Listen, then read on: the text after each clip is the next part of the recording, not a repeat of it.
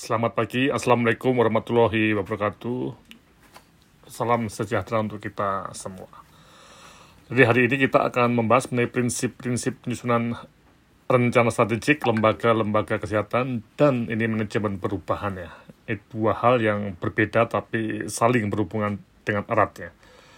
Jadi ada uh, bagian pertama kita membahas mengenai jenis-jenis lembaga kesehatan yang sudah pernah diberikan dalam kuliah yang lalu ya, di mana ada uh, tata kelola yang mengenal berbagai komponen pelaku, antara lain pemerintah, kelompok pelaku usaha, dan juga masyarakatnya secara garis besar ini.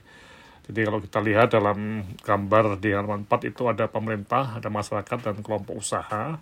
Nah, kelompok usaha ada yang profit dan non-profit, yang pemerintah ada pemerintah pusat, provinsi, dan juga mungkin uh, kabupaten kota masyarakat banyak sekali ada ormas ya ada organisasi profesi ya LSM LSM ya ya macam-macam ini.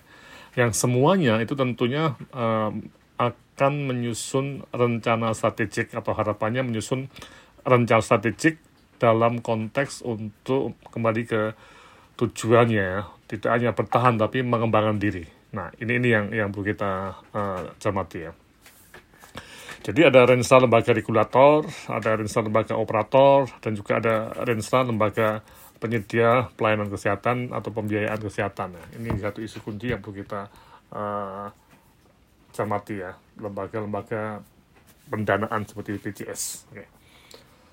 Nah ini, nah sekarang kalau kita lihat uh, sudah kita uh, bahas pada kuliah yang lalu ya mengenai memahami rencana strategik. Nah, ini kita bisa melihat bahwa ada pola atau sistematika yang sudah kita bahas lingkungan ya, lingkungan yang sangat penting dan ini bisa mempengaruhi uh, keberhasilan ataupun keberlangsungan suatu lembaga ya. Ada lingkungan eksternal yang sangat ekstrim bisa mematikan ya, tapi juga ada lingkungan eksternal yang sangat kondusif untuk pengembangan uh, lembaga ya. Nah inilah yang yang jadi isu kunci para pengelola lembaga, para pemimpin itu harus melakukan strategic thinking, berpikir strategik ya. Ini yang sudah dibahas juga yang di sini kemudian akan masuk pada uh, strategic planning untuk perencanaan strategis untuk melihat analisis situasi, uh, perumusan-perumusan strategi dan juga tentunya rencana-rencana implementasi ya, dan dijalankan dengan strategic uh, momentum. Nah ini ini satu hal yang uh, kembali pada prinsip manajemen strategik yang perlu kita cermati dan kita uh, dekati lebih lanjut dengan berbagai kajian yang kondisi saat ini uh, dan kajian mendatang ya. Jadi ini selalu uh, mempunyai apa yang kita sebut uh, kemampuan ataupun keterampilan untuk melihat memproyeksikan situasi mendatang ya, termasuk lingkungannya. Jadi faktor-faktor eksternal dan internal ini harus kita align supaya uh, cocok ya. Kalau tidak nanti uh, kalau eksternalnya mintanya A, lembaga kita setelah internal itu tidak bisa memenuhi, itu ada kemungkinan lembaga kita tuh akan uh, tidak berkembang atau mungkin memburuk situasinya bahkan sampai uh, dilikuidasi atau kolaps. Dan tahapan perencanaan strategik yang nanti akan kita mulai pada uh, sesi uh, ke-6 ya oleh Bu uh, Putu nanti. Nah, kita akan mulai dari tahap diagnosis. Nah, ini yang sangat penting ada visi dan misi, ada kajian lingkungan internal eksternal, dan ada tahap uh, perencanaan yang macam-macam ini, kemudian pelaksanaan dan pengendalian. Nah, ini yang perlu kita cermati secara garis besar apa yang kita sebut sebagai uh, sistematika untuk menyusun rencana strategik. Kemudian kebutuhan-kebutuhan dasar untuk manajemen strategik sudah kita lihat sistem manajemen yang baik sebagai dasar penyusunan visi ya. Jadi visi itu menjadi satu kata yang sangat penting untuk uh, lembaga ya. Kita lembaga kita mau jadi apa di masa mendatang itu perlu kita uh, cermati betul. Kemudian juga adanya manajer strategik yang mempunyai jiwa kepemimpinan. Oke. Okay? Nah, kemudian hakikatnya, nah ini, Perencanaan strategik di halaman 14 itu adalah suatu proses penerjemahan misi, visi, keyakinan dasar, nilai dasar, dan strategi. Dan ini adalah suatu proses pembuatan untuk peta strategi ke depan, ya, dan menyusun suatu kegiatan yang memberikan nilai bagi lembaga secara jangka panjang dan menggunakan pengetahuan manajerial. Nah, ini ini yang jadi satu isu kunci ya. Nah, inilah yang nanti akan terkait dengan uh, apa yang kita sebut sebagai perubahan ya. Ketika hakikat ini menyatakan bahwa visinya itu akan menjadi lembaga yang berbeda dengan sekarang, yang jauh lebih baik dibanding sekarang. Nah, ini akan membutuhkan apa yang disebut sebagai manajemen uh, perubahan yang tentunya nanti dalam proses untuk menyusun rencana strategik ya di halaman 15 itu ada komitmen dan leadership, kemudian renstra, kemudian menyusun berbagai rencana operasional dan pengukuran kinerjanya. Ini. Jadi kita akan melihat bahwa pola berpikir renstra ini ini bisa mengandung suatu uh, situasi yang menuntut perubahan yang sangat cepat untuk lembaga kita. Dan itu akan dituliskan dalam visi, visi ya, visi lembaga ini. Kita mau jadi apa? Kita mau berubah cepat atau tidak? Nah, karena itu ada ada semacam perbedaan antara eh, evolusi dengan transformasi ya, yang berubah cepat menjadi sesuatu yang baik uh, dan meninggalkan yang jelek-jelek nah, nih, seperti transformasi kepompong menjadi uh, kupu-kupu itu contohnya. Nah, ini yang uh, menarik. Sehingga bagian ketiga, kita akan melihat di halaman 16 adalah manajemen perubahan di Dinas Kesehatan. Dan inilah yang nanti kita akan sebut sebagai suatu catatan penting di halaman 17 bahwa manajemen strategik secara implisit dapat berarti manajemen perubahan atau manajemen perubahan dalam satu organisasi dan lingkungannya. Nah ini, nah ini. jadi uh, manajemen strategik dan manajemen perubahan tadi itu dua hal yang uh, mungkin berbeda secara konsep mekanismenya, tapi sangat berhubungan erat sekali.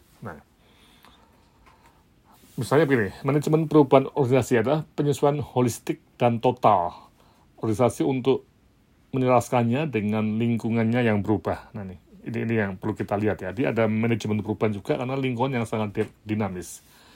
Tadi digambarkan sebagai penyelarasan pernyataan misi ya dan visi suatu organisasi dengan dampak lingkungan dari organisasi tersebut untuk memandu pengambilan keputusan. Jadi, ya, jadi uh, ini misi dan visi ini kita selaraskan ya supaya cocok dengan lingkungannya. Sehingga manajemen strategik dan manajemen perubahan itu dapat dilihat sebagai dilihat sebagai mata uang dengan dua sisi tadi. Ya, keduanya mengacu pada proses terkontrol dan terencana untuk mengubah perilaku struktur atau proses dalam organisasi untuk mencapai tujuan dan sasaran tertentu. Jadi ini ini hal-hal yang perlu kita uh, cermati ya bahwa uh, keduanya itu memang ada semacam uh, persamaannya ya untuk mencapai tujuan dan uh, sasaran tertentu. Hanya ini cara berpikirnya itu yang mekanisme agak berbeda ya, tapi ada persamaannya. Nah ini, ini contohnya ya, kita masuk pada contoh dari uh, persamaan dengan Kotter's Eight Step model ya. Jadi banyak sekali model manajemen perubahan ya. Ya ini dari Kotter's yang menyatakan bahwa ada delapan langkah yaitu establish the need for urgency. Mengapa kita harus berubah? Ya. Dan kita juga harus mempunyai semacam uh, power ya, tenaga perubahan berupa kelompok yang ingin berubah ya. Kemudian yang ketiga develop a vision tadi, vision yang juga akan dipakai oleh uh, penyusunan Renstra. Kemudian mengkomunikasikan uh, visi tadi, memperkuat uh, atau memberdayakan staff untuk perubahan ya Nah, ini juga demikian, ensure meyakinkan bahwa ada berapa pencapaian-pencapaian uh, yang disebut sebagai short win ya, yang segera ya, yang bisa membuat orang itu lebih senang. Jadi perubahan itu ternyata uh, mempunyai efek positif untuk dirinya. Nah, nih. Kemudian ketujuh, uh, apa yang diperoleh selalu dikonsolidasikan, ya. Kemudian budaya organisasinya itu harus selalu uh, dekat dengan perubahan. Nah, nih. nah ini yang menarik ya. Jadi modelnya Koters ini, 8 step ini, ini bisa memperkuat ya penyusunan Renstra yang sangat berat atau sangat menekankan mengenai uh, perubahan. Jadi sekali lagi uh, bahwa manajemen strategik dan manajemen perubahan itu seperti uh, dua sisi dari mata uang yang saling mendukung. Oke, okay. uh, untuk itu mari kita lihat ya uh, dokumen Renstra yang lama yang didapat oleh Menteri Kesehatan sebelumnya. Kemudian yang Menteri Kesehatan sekarang uh, Pak Budi Gunadi Sadikin melalui program atau kebijakan transformasi sektor kesehatan juga mencoba untuk merevitalisasi lensa yang lama. Jadi ada ada perubahan. Nanti kita akan lihat ya. Ini memang belum jadi, walaupun sudah mulai ada semacam indikator-indikator kinerjanya, tapi ini masih dalam proses ya, yang sebentar lagi akan dipublikasikan. Uh, Oke, saya kira ini dulu dari saya. Uh, silahkan untuk uh, membaca berbagai bacaan, termasuk yang dari uh, bahasa Inggris tadi ya, yang menarik mengenai manajemen strategik dan perubahan. Coba Anda bahasa uh, baca bahasa Inggrisnya dengan pelan-pelan dan baik-baik ya Anda coba garis bawahi atau Anda beri stabilo yang kuning yang penting-penting untuk kita pahami hubungan antara manajemen strategik dan perubahan. Sekian dan terima kasih. Wassalamualaikum warahmatullahi wabarakatuh.